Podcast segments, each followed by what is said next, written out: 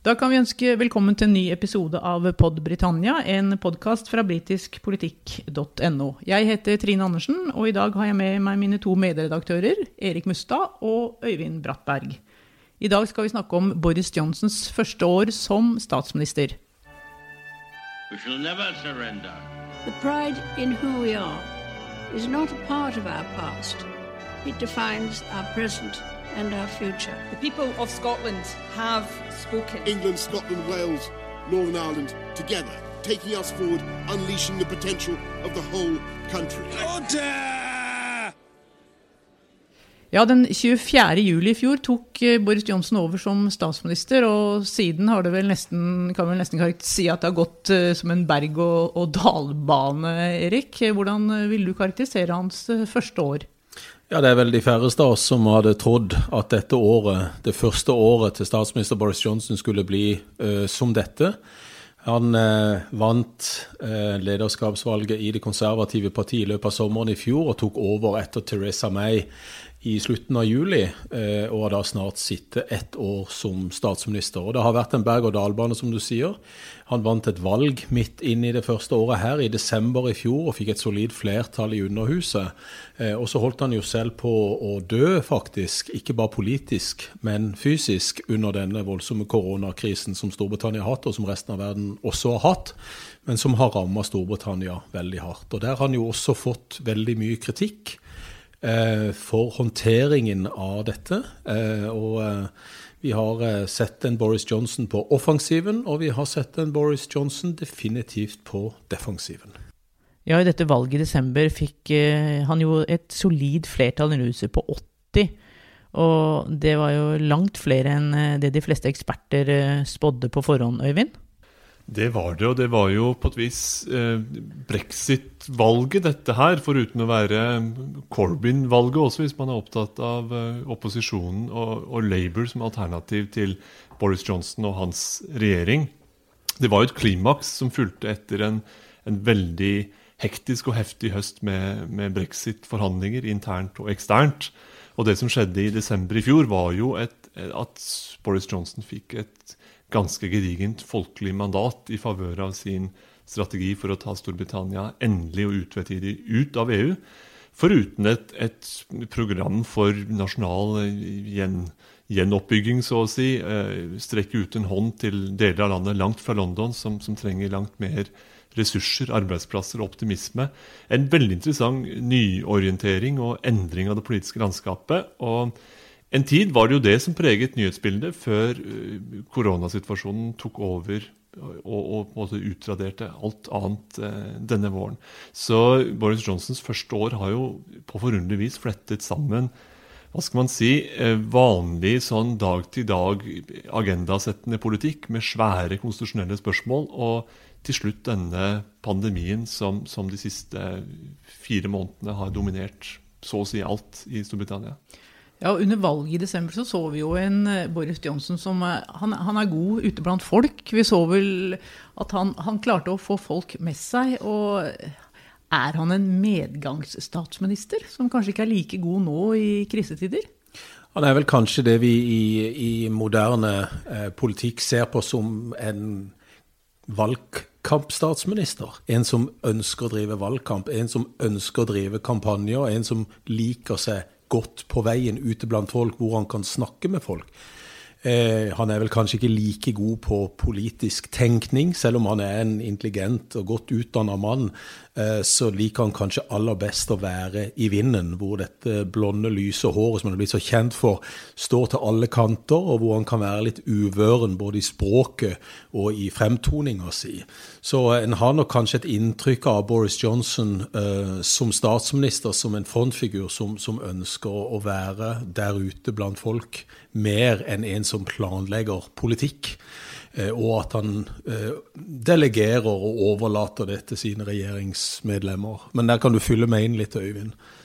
Han har i alle fall blitt stilt på prøve på ja. veldig mange andre områder enn det man kanskje forventet. Han ble jo valgt eh, til ny partileder og, og dermed statsminister etterfølger for Theresa May som en antatt velgermagnet. Du skal huske at, at de konservative var dypt nede i et hull i fjor sommer etter, etter eh, all intern kamp og fraksjonsstrid om, om, om, brexit og en voldsom upopularitet for, for, Theresa May, så ble Boris Johnson først og fremst trukket inn som den som kunne vinne valg for partiet. Gjenreise en form for optimisme, blåse vind i seilene, rett og slett.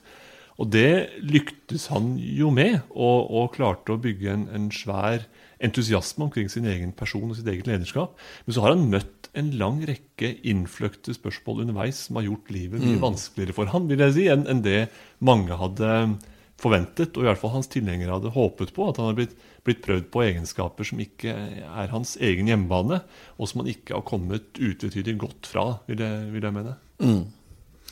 Ja, jeg er enig i det. Og, og, vi kan kanskje si, som du spurte om innledningsvis, Trine, at uh, han er bedre i, i, medgang enn han er i motgang. Det har vi vel sett også under koronakrisen, at, uh, og på, på, en del andre områder også, at han har slitt når han har fått kritiske spørsmål.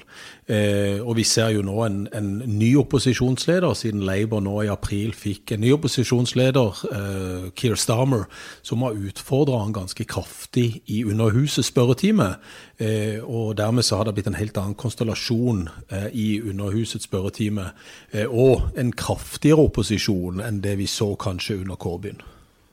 Absolutt. Eh, og det er jo Jeg tror nok Boris Johnson er en, en, en leder som ikke er så begeistret for kritikk.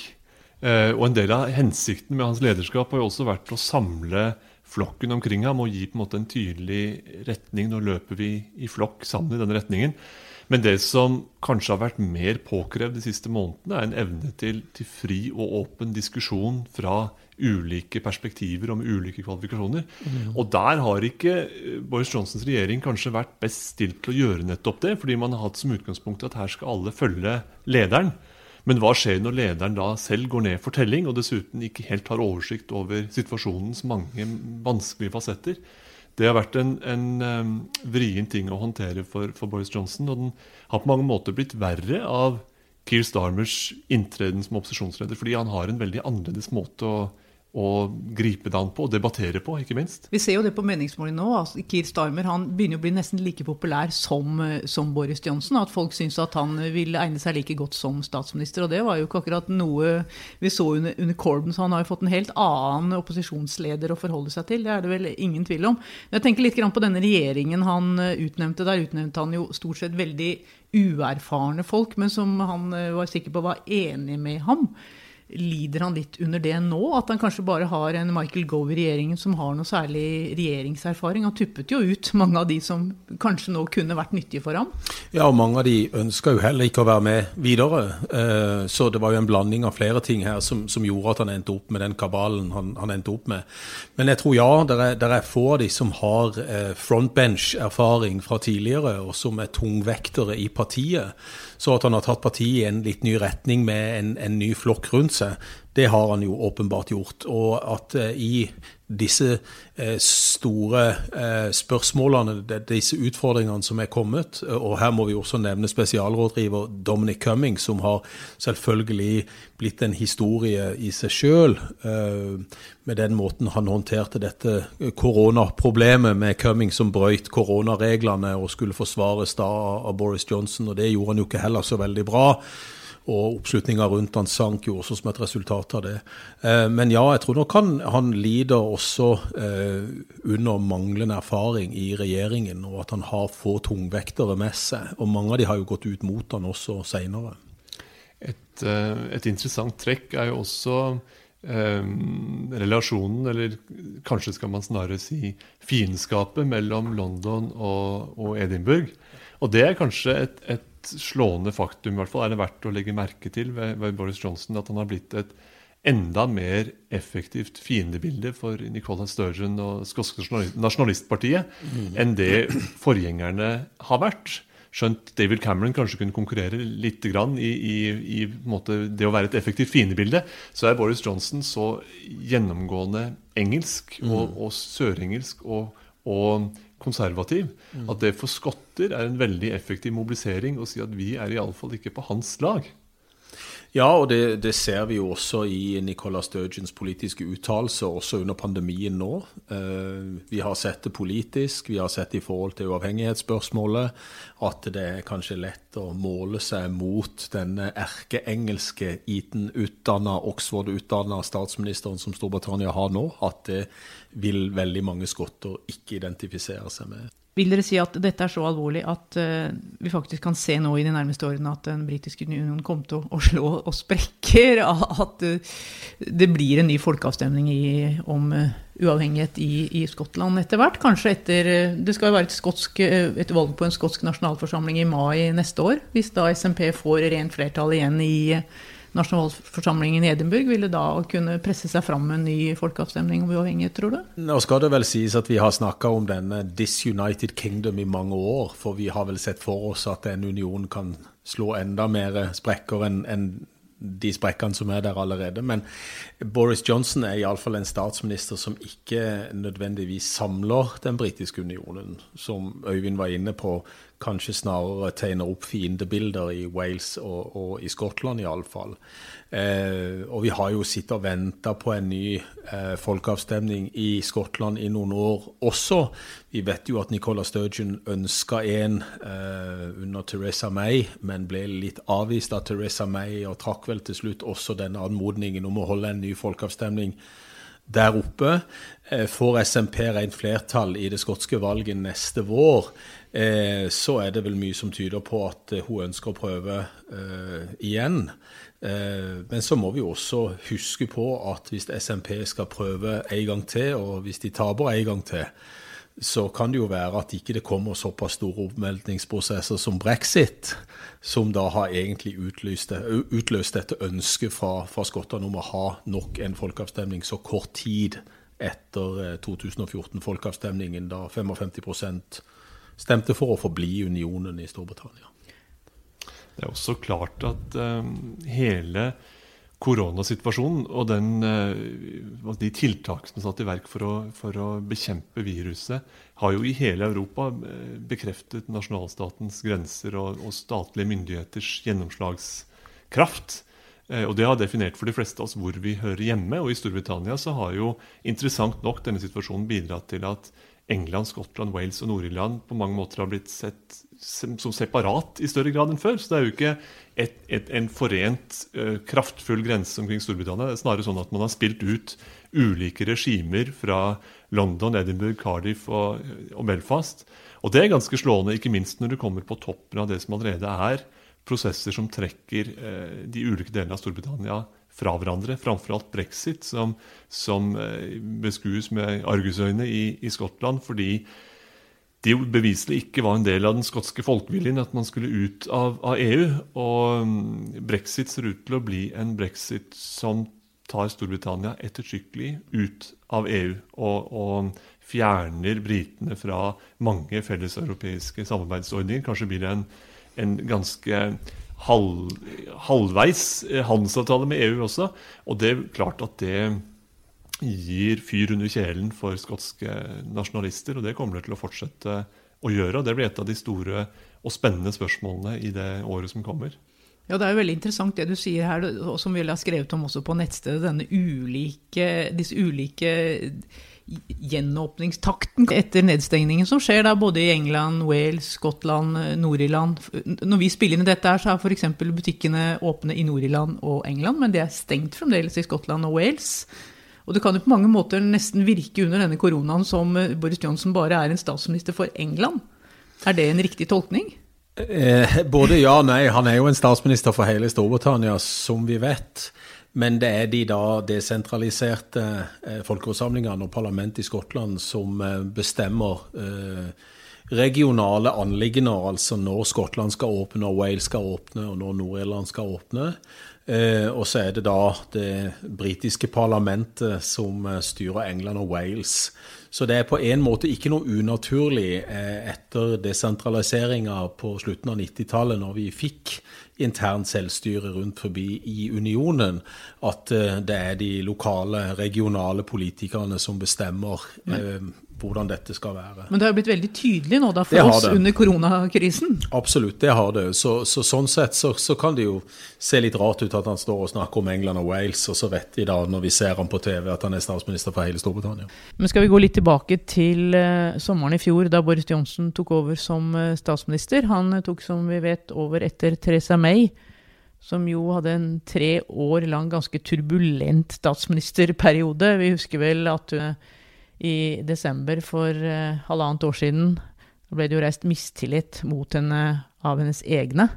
En mistillit hun eh, riktignok overlevde, men eh, det var jo et svært splittet parti hun overlot til Boris Johnson i juli i fjor. Men det, det rasles jo litt i sablene i rekken hos Boris Johnson også når det gjelder takten bl.a. På, på denne åpningen igjen av samfunnet. Det ble jo en, eh, en, en ganske stor johnsonsk eh, heiagjeng, eh, spesielt etter parlamentsvalget i desember, hvor, hvor de gjorde et slikt gjennomslag, og hvor mange, også nyvalgte parlamentarikere, føler at de skylder Boris Johnson sin, sin støtte, fordi han jo hjalp dem til dette kjempegode valgresultatet, og med en rimelig avklart politisk plattform. Dette skal vi gjøre. Framfor alt brexit, men også en sånn nasjonal gjenoppbyggings, sånn patriotisk strategi. Under den overflaten er det dog ganske mange uenigheter. Noen av dem kommer til uttrykk som du sier, i, i hvordan man skal åpne opp samfunnet igjen etter, etter koronakrisen, koronasituasjonen.